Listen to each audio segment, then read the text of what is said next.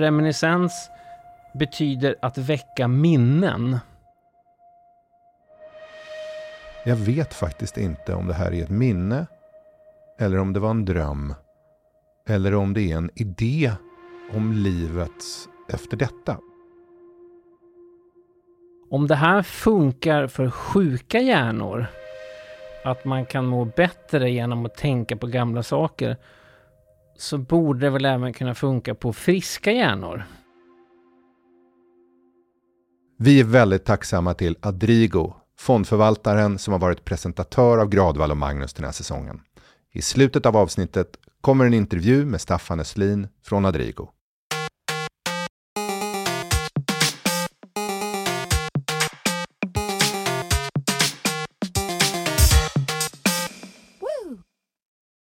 Välkomna tillbaka till Gradvall och Magnus med mig Magnus Lindqvist. Och jag, Jan Gradvall.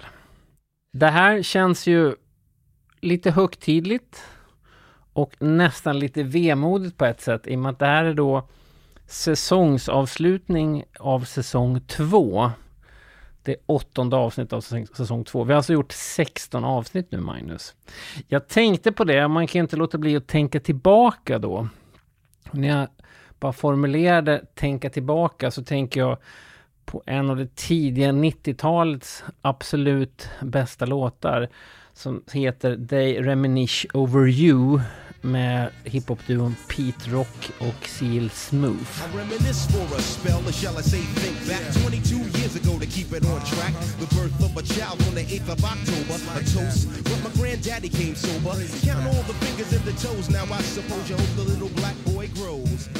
Reminisce är engelska för att minnas.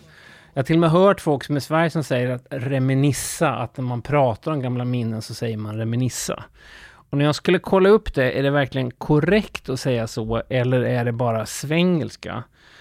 Så hamnar jag på ordet reminiscens, som jag inte hade hört förut. Och detta hittar jag då på Demenscentrums hemsida. Och då står det att reminiscens betyder att väcka minnen. Och på 60-talet blev reminiscens en metod inom äldrevården skapad av en amerikansk psykiatriker som hette Butler. Och det betyder då att man använder det här som ett sätt att trigga personers minnen, som ett sätt att få dem att må bättre. Eh, så att en lång det här kaninhålet så hamnar jag helt plötsligt på Demenscentrums hemsida och så tänkte jag att om det här funkar för sjuka hjärnor, att man kan må bättre genom att tänka på gamla saker, så borde det väl även kunna funka på friska hjärnor. Eller hur tänker du Magnus när du hör det här med reminiscens? Jag minns att när jag jobbade under studietiden på Stockholms sjukhem med eh, bland annat dementa patienter så var minnet um, av vilka de här människorna var fungerade på ett väldigt speciellt sätt. För oss som um, sjukvårdsbiträden så bestod i minnet av en och annan besökare, kanske något foto på nattduksbordet och sådär, ett, ett namn. Men för en del av de här patienterna så minns jag att de återskapade eller återspelade någonting från sitt liv och, och det de hade varit med om. Så det var en man som alltid satt i tv-rummet och slängde ut armarna på ett sätt som, som såg väldigt speciellt ut. Och då visade det sig att han hade varit fiskare under hela sitt liv. Så sannolikt och möjligtvis så var det så att det här var någon slags muskelminne av att kasta ut ett nät. Så minnet hade gått från att vara en berättelse i hjärnan till en, en kroppslig handling. Och det där har alltid stannat kvar i mig. att Om man, gud förbjude, drabbas av demens så finns det någon form av eh, återuppspelning av det förflutna i kroppen. Det där är jätteintressant för att jag gör själv en, en skillnad på att reminissa då och vara nostalgisk. För mig är det olika saker. Att vara nostalgisk tycker jag är helt ointressant. Att man ska prata om kommer ihåg Bosse Bluff på den festen i gymnasiet? Blev han inte ovanligt full? Berätta bara exakt så jag förstår vad skillnaden är. Men Jo, okej, Bosse nej, men- Bluff på fest som var full, det är ju... Det vill säga att man tänker tillbaka på gamla goda tider och önskar att man var där. Mm. Men att reminissa är snarare att man då tar fram saker i minnet. Det är inte att man längtar tillbaka till den tiden. Utan man återbesöker minnen och kan ta med sig någonting av dem. Kanske till och med någon sorts näring av de minnena för att koppla in det med den här demensmetoden. För att tänka lite vidare kring det. Så en av de största litteraturupplevelserna jag haft senaste decenniet var Julian Barnes bok Känslan av ett slut. Vann Man Booker Prize 2011. Um, ehm, och är väl lite Julian Barnes magnum opus. Han hade liksom skrivit i decennier, bland annat deckar eh, historier under pseudonym han är ju lite kompis med alla de här Ian McEwan, eh, Salman Rushdie, alltså de här lite pojkbandsförfattarna som blev stora i Storbritannien, lite intellektuellt eh, eh finurliga och sarkastiska. Men nu så skrev han plötsligt om en äldre man, Tony, som på mm, i pensionen och på ålderns höst tänker tillbaka över sitt liv och på en vänskap han hade. Och när han då börjar reminissa kring olika situationer och upplevelser så upptäcker han saker i minnet som han inte har tänkt på sedan dess. Det är alltså som en deckarhistoria fast i minnet. Ja men vänta här nu. Vem var det som stod bredvid den där människan? Och men vänta här nu, när jag tänker på det så var det ju faktiskt inte så som jag minns det som det inträffade. Det var det här. Våldsamt fascinerande och när du går in på det nu, att eh, plocka tillbaka saker man varit med om, så är det ofta det jag tänker på, att det finns saker gömda under stenar i det där minnet. Som man kan få hjälp att få syn på varje gång man reminissar. Och framförallt då för att minnen är ju väldigt förknippade med bilder och detaljer. Det är ju folk som ska läsa långa sjok utan till, kanske då ett matematiskt tal med 72 decimaler. De sätter ju ofta bilder på de här siffrorna så att det blir under stenen flyter floden och så vidare. Så att man sätter bilder till en berättelse och då fungerar minnet. Så att det är ju det att en bild väcker minnet eller då kanske då bevara någonting där under. Att man kan gå in i minnet och kanske upptäcka någonting som man faktiskt kanske inte ens uppfattade första gången. Och vad minnet där i betyder. Jag har en, ett återkommande minne som handlar om att jag har gjort ett väl utfört arbete. Alla är nöjda. Jag sätter mig i en bil och åker igenom ett väldigt kargt landskap och har en så stark frihetskänsla. Men nu kommer det lite kusliga. Jag vet faktiskt inte om det här är ett minne eller om det var en dröm eller om det är en idé om livet efter detta som jag egentligen inte tror på att det finns. Men, men jag tänker väldigt ofta på det där. Det fungerar i min hjärna precis som ett minne. Men jag tror faktiskt inte jag varit med om det. Det är väl det minnet av minnet. Det händer ju någonting där. Det är där, därför man återkommer till det i vittnesberättelser om det har skett ett brott. Palmemordet till exempel. Så har man kommit fram till det enda som är användbart egentligen var exakt sa de här personerna timmen efteråt när vi intervjuar dem. För sen börjar man lägga på saker, att man tror att man minns det, men man tar in någonting som någon annan har sagt eller man har läst så att man förändrar ju minnet omedvetet så att säga. Så det, är- det är verkligen förrädiskt. Och sen blir det ju en, en sanning, det är kanske är mindre intressant att när jag tänker tillbaka på min barndom eh, så kommer jag ihåg den som jag har regisserat den. Vilket kanske är en helt annan barndom än vad mina två systrar och min bror har. Men de är ju lika sanna för det. Dr. Julia Shaw, hon är så här rockstjärne, professor på UCL i London. Hon har pratat om exakt den där opolitliga dimensionen. För det är som du säger att ni, minnet försöker ofta sitta ihop med en berättelse och då påverkar sen berättelsen minnet istället för tvärtom. Men hon har tagit det hela ett steg längre och visat i experiment att man faktiskt kan få, alltså implantera minnen hos människor. Framför allt ögonvittnen. Genom att bara ställa frågor, men vänta, såg du inte det här? Eller var det inte så här?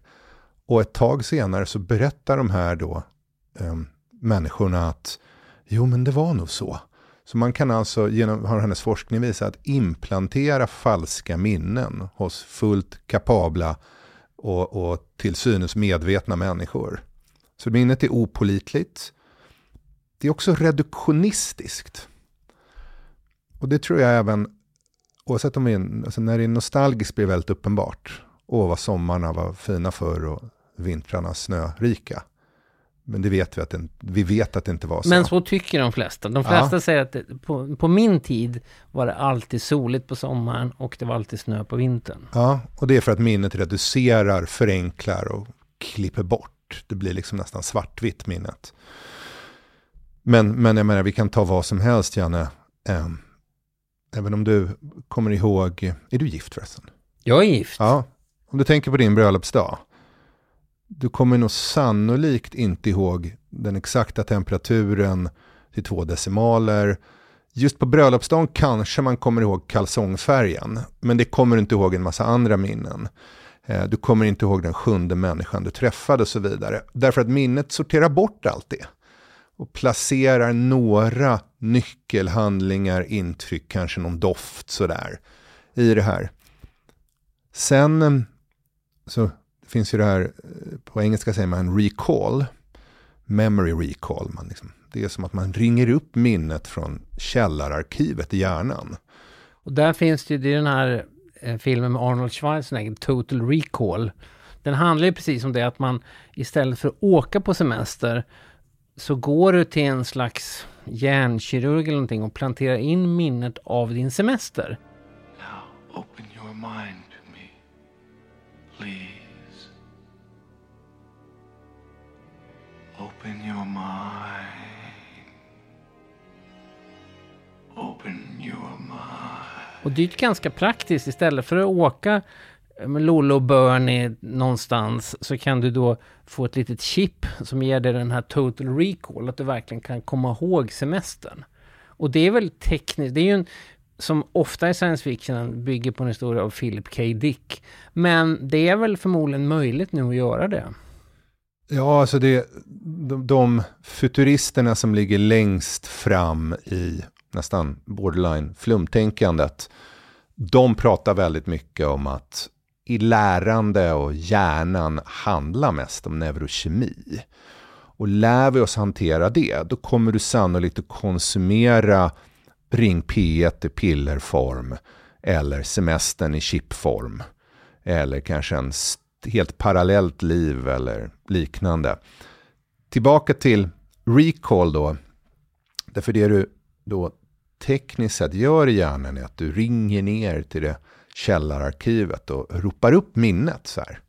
Och, och ja men vad var det som hände? Men det har ju visat sig i forskning att varje gång du ringer upp det här minnet så förändras det lite grann. Du sa det nyss, men för att understryka det, det blir ett minne av ett minne det finns ett konstverk av en, en eh, konstnär som heter Daniel Behar.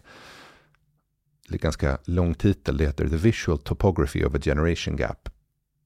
Poängen med det här är att det liknar minnet. För det han gjorde var att han tog en nyckel och så kopierade han nyckeln. Sen kopierade han kopian, kopian, kopian. Så han kopierade kopian av en kopia av en kopia hundra gånger.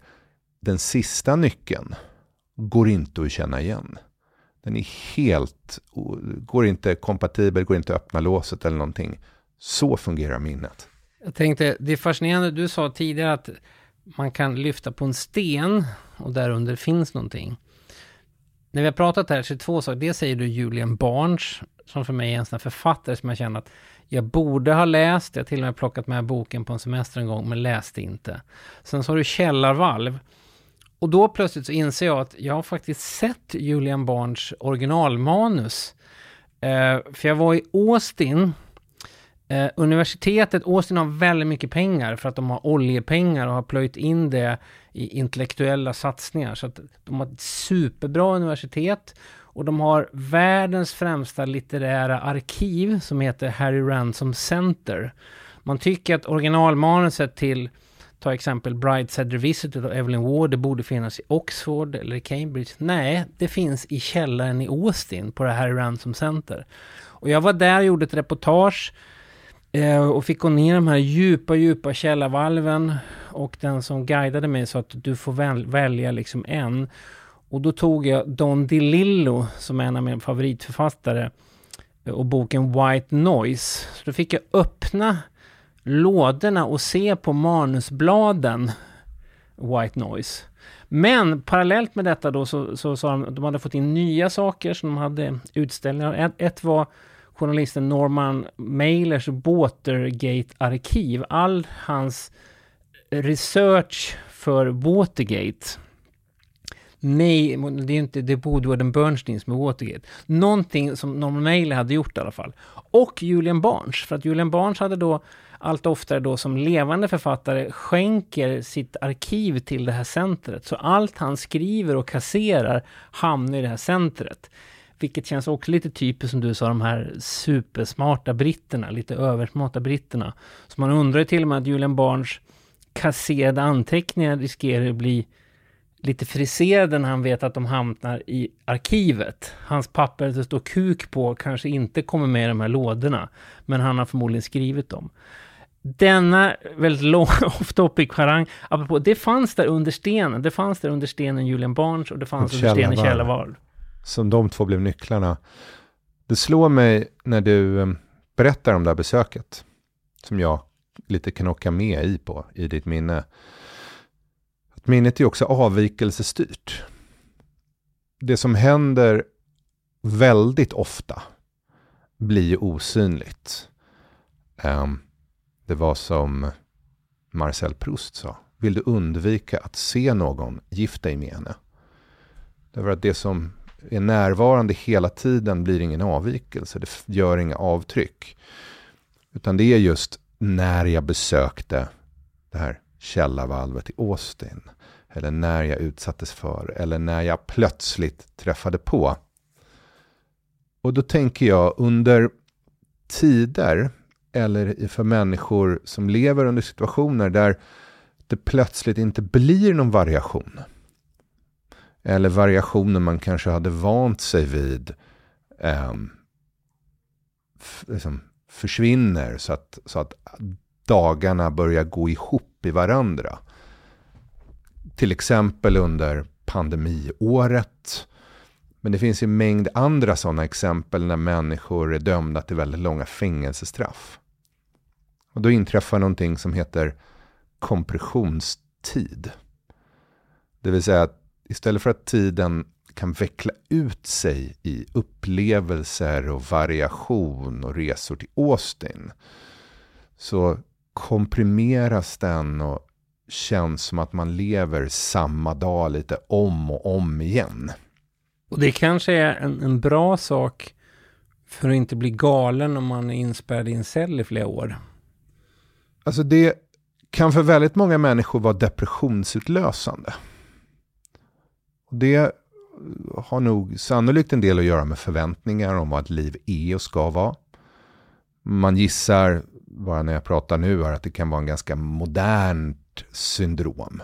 Går det tillbaka några århundraden så såg livet sig ganska likt Det var ganska cykliskt, vilket vi pratade om i avsnittet om vaffanism.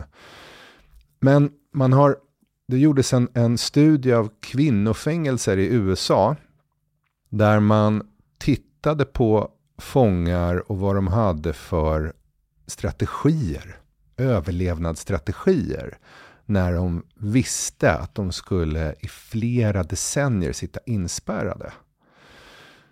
Och då var monotona rutiner, nästan som att man blev en slags eh, algoritm som varje dag gjorde samma sak. Typ antal steg i cellen, borsta tänderna samma tid eller sådana kanske. Och på mm. samma sätt. Och det visade sig vara ganska effektivt. Som ett sätt att råda bot på allt ifrån då initiala depression, frustration, vrede till eh, att liksom kunna överleva sig till tristessen, att kunna ta sig förbi den. Eh, när jag lyssnar in på hur människor har tillbringat pandemiåret så har väldigt många pratat om den lilla vanans makt. Promenaden vid samma tid varje dag. Matlagningen av blomman som ska leva. Så vi har gått ifrån en värld där man hängde i Austin till en värld där de här mikrorutinerna blir en viktigare överlevnadsmekanism eller, eller en, ett sätt att leva sitt liv. Vilket för mig såklart till ett mästerverk som vi båda älskar och tycker om. Ja, äntligen kom vi in på Groundhog Day.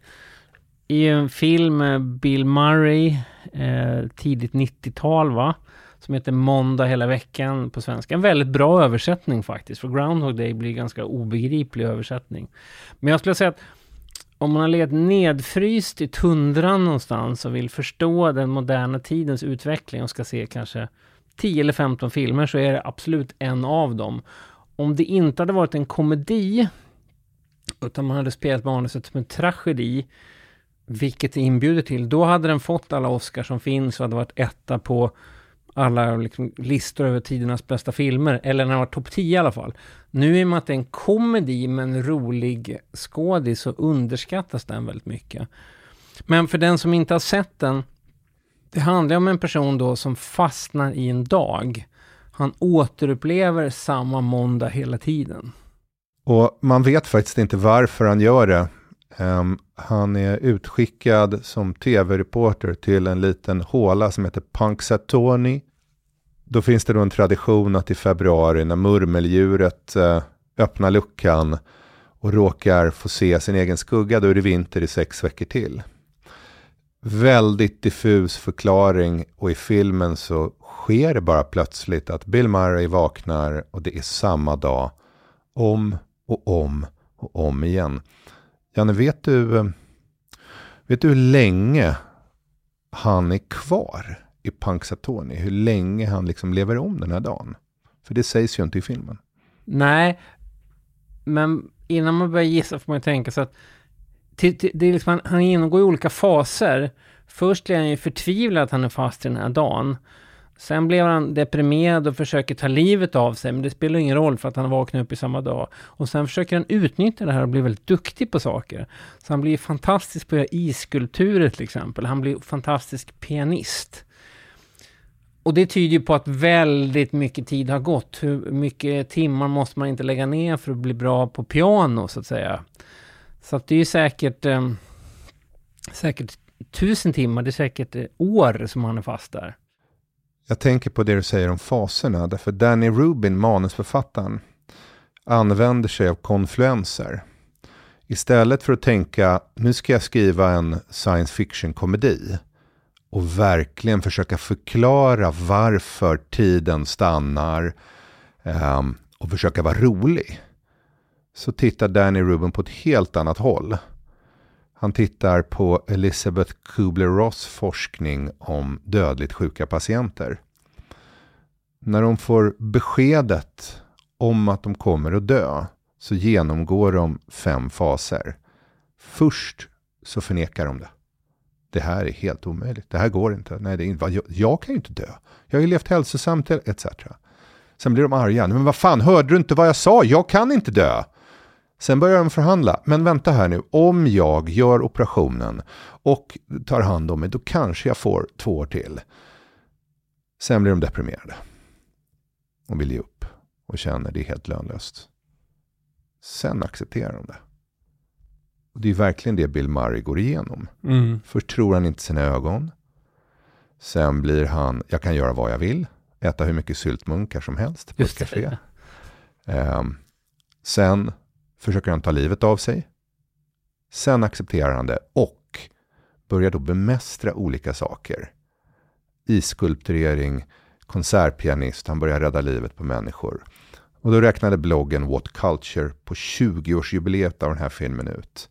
Att totalt så tillbringar han 33 år och 350 dagar. Han lever alltså om samma dag 12 395 gånger. Och, som har påpekats på andra håll, det är nästan exakt så långt ett arbetsliv är för människor. Så med all respekt för att vara fast i Punxsutawn i en film, för en del människor i sitt yrkesliv så är det 33 år plus av mer eller mindre samma sak varje dag. Det där, jag hade ingen aning om det, men det, jag får alltid lust att se om den här filmen. Nu har jag ytterligare en anledning till att göra det. Men det är också sensmoralen är för att när filmen börjar, han är en väldigt uttråkad meteorolog då på en tv-kanal som bara uppskattar ingenting. Men vad han lär sig genom den här resan är att han, han tar tillvara på stunden. Vänta nu har jag en halvtimme över, jag kan göra någonting med det här, jag kan hjälpa mina medmänniskor. Så han lär sig att bli en bra människa. Och när han blir en harmonisk bra människa, det är då han hittar den här kärleken som han inte har hittat innan. För att då ser han inte livet omkring sig. Nej, om vi försöker kombinera insikter från Groundhog Day med experimenten eller studierna på kvinnofängelser. Det ena sättet man kan leva sitt liv, det är ju att uppleva en massa saker. Nu står jag vid ett vattenfall i Belize. Och imorgon flyger vi till Costa Rica för att surfa och nästa sommar ska jag gå en mixologutbildning. Så kan du ju leva. Men det andra sättet är ju just genom de här mikrorutinerna att leva algoritmiskt. Jag gör samma sak om och om igen. Och det är ju det Bill Murray genomgår här. Han går ju från jag ska testa allt, jag ska dö, råna en bank, eh, käka, försöka ragga på min kollega, till att nej, jag ska bemästra saker. Och det vill säga sitta i 10 000 timmar plus och lära mig spela piano. Och den kollegan är ju Andy McDowell som spelar då som är hans tv-producent. Hon är ju egentligen, hon är ju den kloka, smarta människan i filmen för att hon har ju förstått det redan från början. Hon är närvarande, hon är en närvarande person eh, som uppskattar varje dag vad den ger så att säga. Så att det, det, är hon som han egentligen då lär sig av på, genom en väldigt, väldigt lång omväg.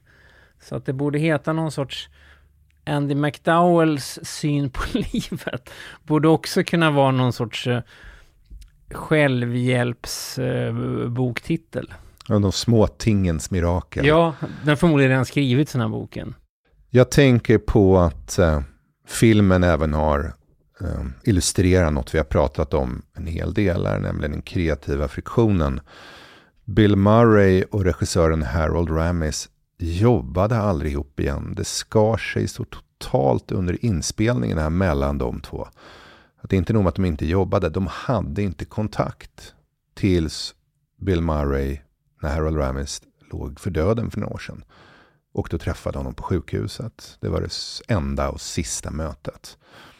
Så det visar ju någonstans att det kan kosta på fruktansvärt mycket att göra ett mästerverk nästan som man tömmer ut relationen och, och, gnistan i den. Och just Groundhog Day kan ju vi som publik tycka att det var värt det. Mm. Och de har ju en historia, de var ju med i Ghostbusters, då var de ju båda skådisar. Det är de båda Ghostbusters och sen klev ju då Hal Ramis in och blev eh, regisserade filmer istället. Mm. Och i, i den delen, och jag tror inte vi har varit kanske tillräckligt tydliga på det, men kreativ friktion, det är som att hantera raketbränsle. Det gäller att liksom eh, vara väldigt försiktig med det. Därför för lite av det händer ingenting, för mycket så imploderar relationen. Det är intressant nu, jag vet inte om du har gjort det medvetet Magnus, men du har liksom reminissat genom våra säsonger här också. För att du har nämnt flera avsnittstitlar faktiskt. Kreativ friktion till exempel. Ehm, du sa någon annan innan, men att vi började här med liksom att reminissa på något sätt säsongen som ett skämt, men då, då gör man ju det faktiskt, att man går tillbaka till saker. Och om man inte går tillbaka till saker utan hela tiden ska söka nästa grej, nästa kick, då tror jag man missar den här fördjupningen. Återigen, inte nostalgi, men det finns en poäng att bara hela tiden, varje dag, backa lite. Och det, det kanske man naturligt gör när man sitter innan man går och lägger sig. Så funderar man hur den här dagen varit. Eh, när man sover. Det är då hjärnan sorterar och bestämmer sig för att det här minnet är deletat. Delete. Det här minnet sparar jag. Så att hjärnan sorterar ju varje dag så att det inte blir överfullt. Och ha, får man inte sömnen så blir man ju galen. Min eh, Singapore-vän som har en väldigt ljus syn på livet säger alltid lycka är långt liv och kort minne. Och jag har ju tyvärr förbannats med ett långt ältande minne. Så när du nu säger reminis kring säsongerna så minns jag bara två fel. Det har sannolikt gjort många fler, men jag minns att sångaren i OMD heter Andy McCluskey och inget annat. Och Esther Perel kommer från Antwerpen i Belgien och ingen annanstans. Nej, men vi gissade tror jag på Holland och Frankrike. Nej, vi, du vi, sa Holland och jag sa ja, Frankrike. Vi kretsar ju ganska nära Belgien, det, det, får man ta tycker jag. Belgien, det bortglömda landet. Mik transformativa mikrorutiner. Min farfar som var frikyrkoprodikant sa alltid att om man simmar tillräckligt länge i vispgrädde så blir den så pass fast att man kan klättra ut ur skålen till slut. Och det är det Bill Murray gör. Mm. Till slut efter 12 395 samma dag om och om igen. Och den bilden som du sa som är briljant, den blir ännu tydligare om man säger man simmar tillräckligt mycket i grädde. Man avslöjar inte vispmomentet. Då vispar man ju sen med armarna så att det blir stabil grädde och sen blir det till slut smör till och med, att det blir fast. Och så kan man klättra ut i skålen till någonting annat. Jag eh, tänker att minnet egentligen inte är en eh, upplevelsemaskin. Det är alltså egentligen inte så mycket till för att köra så här eh, nostalgi och onani egentligen. Även om man gör det ibland. Eh, utan det är, en, det är ett beslutsstöd. Och det blir aldrig så tydligt för mig som när jag står inför Eisenmans fantastiska förintelsemonument i Berlin.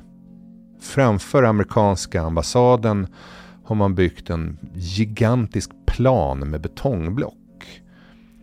Så när man ser det första gången så ser det ut som någon slags blandning av arbetsplats, lekplats, vad är det här som händer? Det är en bra beskrivning. Det ser inte särskilt stort ut. Det ser ut som olika betongblock som ligger där av oklar anledning. Det är första intrycket. Första intrycket. Och sen så visar det sig, när man går in i det då, så är ju i ytterkanten på den här planen så är betongblocken ganska små. Kanske 20-30 cm höga. Och så går man lite inåt och så märker man att det är lite som en labyrint. Och efter ett tag så är betongblocken en meter höga. Och sen fortsätter man att gå och det man inte riktigt lägger märke till är att marken också sluttar. Så fortsätter man gå så är man efter en stund helt vilse med tre meter höga betongblock. Och man är också ensam. Trots att väldigt många människor kanske går i labyrinten samtidigt som det så ser du ingen av dem. Någon, mm. någon dyker plötsligt fram i någon korridor och försvinner. Så man, det som börjar som en, en ingång, en, någonting lite lekfullt, något, ett, ett försök slutar som att man är vilse i en betongpyramid. Och det funkar ju på, på barn också. Jag tror vi, vi båda har varit med liksom med med våra barn där och barn tycker att det var kul men sen blir det lite otäckt och det är exakt det som skulpturen visar. Och när jag är där så, så inser jag att det här är inte ett monument utan det är en beslutssimulator. Så när man då ställer sig där på utanför så tänker jag Ska jag göra det här? Och det det visar sig då är att på kort sikt så kan du säkert hantera konsekvenserna av ditt handlande. Ska jag förskingra det här? Ska jag vara otrogen? Ska jag sluta? Ska jag börja?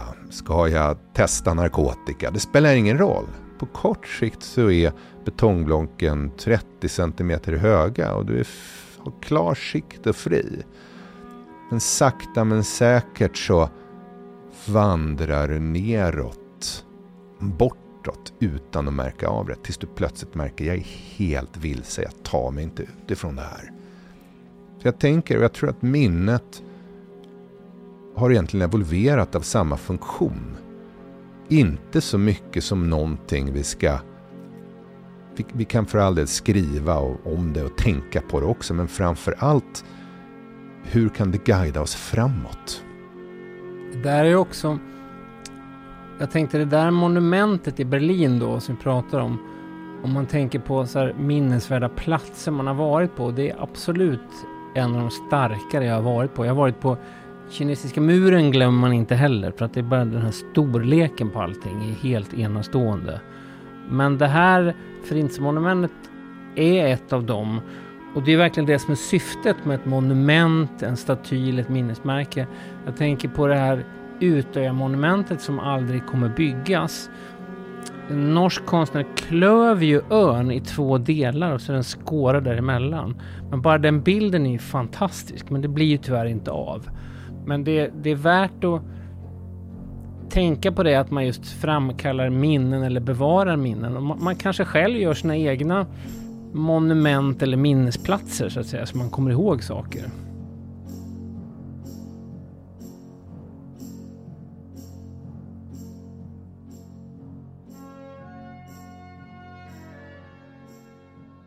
Om vi blickar framåt nu, Janne.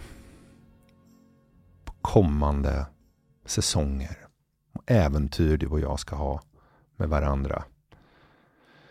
Um, så berättade börs min vän börs en eh, lärorik eh, fabel för mig. Han var försäljningsansvarig i Europa. Och i Europa så är den största marknaden Tyskland. Och då skulle han placera fyra säljare i Tyskland. Geografiskt alltså. Och om du, Janne, skulle placera fyra säljare i Tyskland, var, var skulle du placera ut dem någonstans? Jag skulle placera dem en i München. Mm. Bayern är en väldigt viktig region. Jag skulle placera en i Hamburg, rikaste staden i Tyskland tror jag. En i Berlin såklart. Eh, sen är det lite oklart. Jag drar till med Bonn utan att kunna någonting. Eh, Köln skulle jag nog placera henne mm. i. Och så tror jag att många skulle svara. Därför det känns lite geografiskt jämfördelat och rättvist. Och då, ja, men då täcker vi ju in hela Tyskland. Men svaret, och det var även det Tysklandschefen trodde. Så när min vän börsveden pratade med honom så säger han, ja men ungefär så. Ja, Bonn och Köln och Berlin och München. Men i princip all försäljning skedde bara i Ruhrområdet. Så alla fyra säljarna ska vara där. Det ska alltså inte vara någon rättvisa i det här, utan man sätter alla fyra försäljarna på samma ställe. Vi har gjort 16 avsnitt och några av dem har jag verkligen svårt att minnas. De höll nog egentligen inte för att göra ett avsnitt. Och vi har gjort några teman som känns outsinliga. Jag skulle bokstavligen tillsammans med dig kunna göra, ägna en livstid åt forskning åt dem. Det tar jag med mig som ett framtidsminne. Jag är alltid mer positivt inställd till det vi har gjort än vad du är Magnus. Så att jag tycker faktiskt att utan att förhäva oss så tycker jag att de avsnitt vi har gjort håller. Vi har ju till och med stekt ett avsnitt som ingen kom få höra, så vi kände att det var verkligen bara delete that. Det höll inte. Men vi har ju faktiskt en, en rolig nyhet att presentera nu som ingen annan utomstående vet.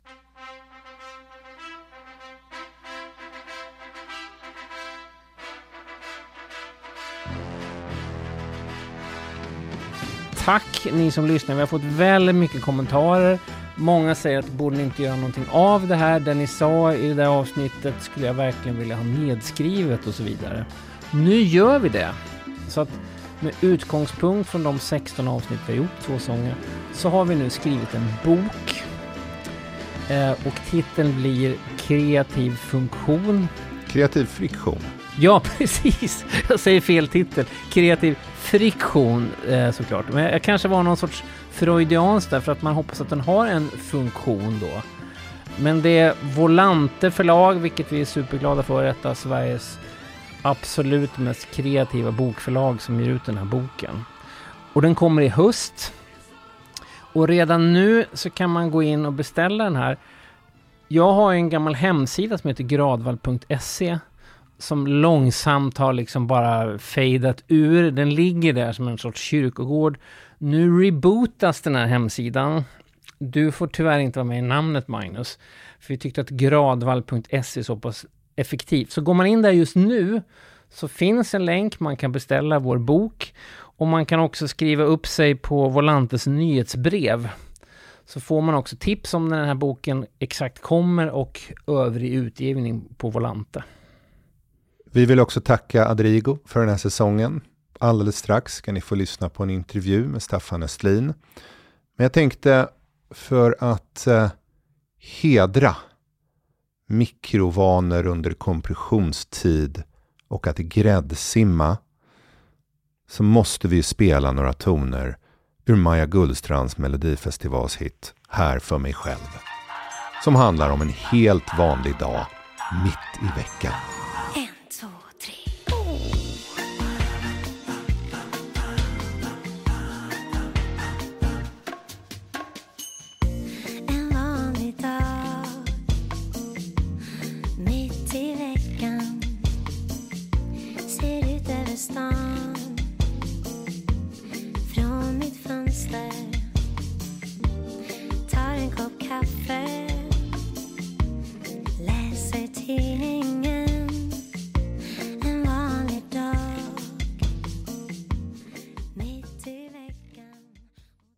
Jag heter Staffan Östlin, eh, jobbar på Adrigo och du lyssnar på Gradvall och Magnus. Jag vet att du, du är väldigt musikintresserad. Hur ser ditt musikintresse ut? Jag vet, jag avskyr själv, själv den frågan, så här, vad lyssnar du på för musik? Då undrar man så här, var ska jag börja? Men jag vet att du börjar ju med en del så här goff, postpunk. Kan du berätta lite om hur du blev musikintresserad? Ja, nej, men från, från början så var jag en Elvis-fan, så att um, det, var min, det var min början på min musikaliska karriär. Och hur gammal var du då? Ja, men det var jag sju, åtta år och eh, klippte ur alla Elvis-artiklar jag hittade i dagstidningarna eh, och i veckotidningarna. Och du är eh. egentligen helt fel generation för detta. Det var väl inga andra sjuåringar på den tiden som brydde sig om Elvis? Nej, det var de flesta var inne på Deep Purple mm. Eh, då, vilket jag också kom in på. Mm. Eh, och sen kom punken eh, var en, en, stor händelse, så att, och framförallt den kanske den svenska punkscenen.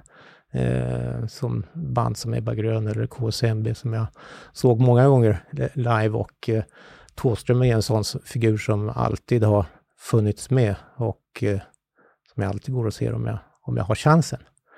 Eh, ganska brett musikintresse för jag tycker om opera också. Jag, kan, jag lyssnar mycket på klassisk musik också.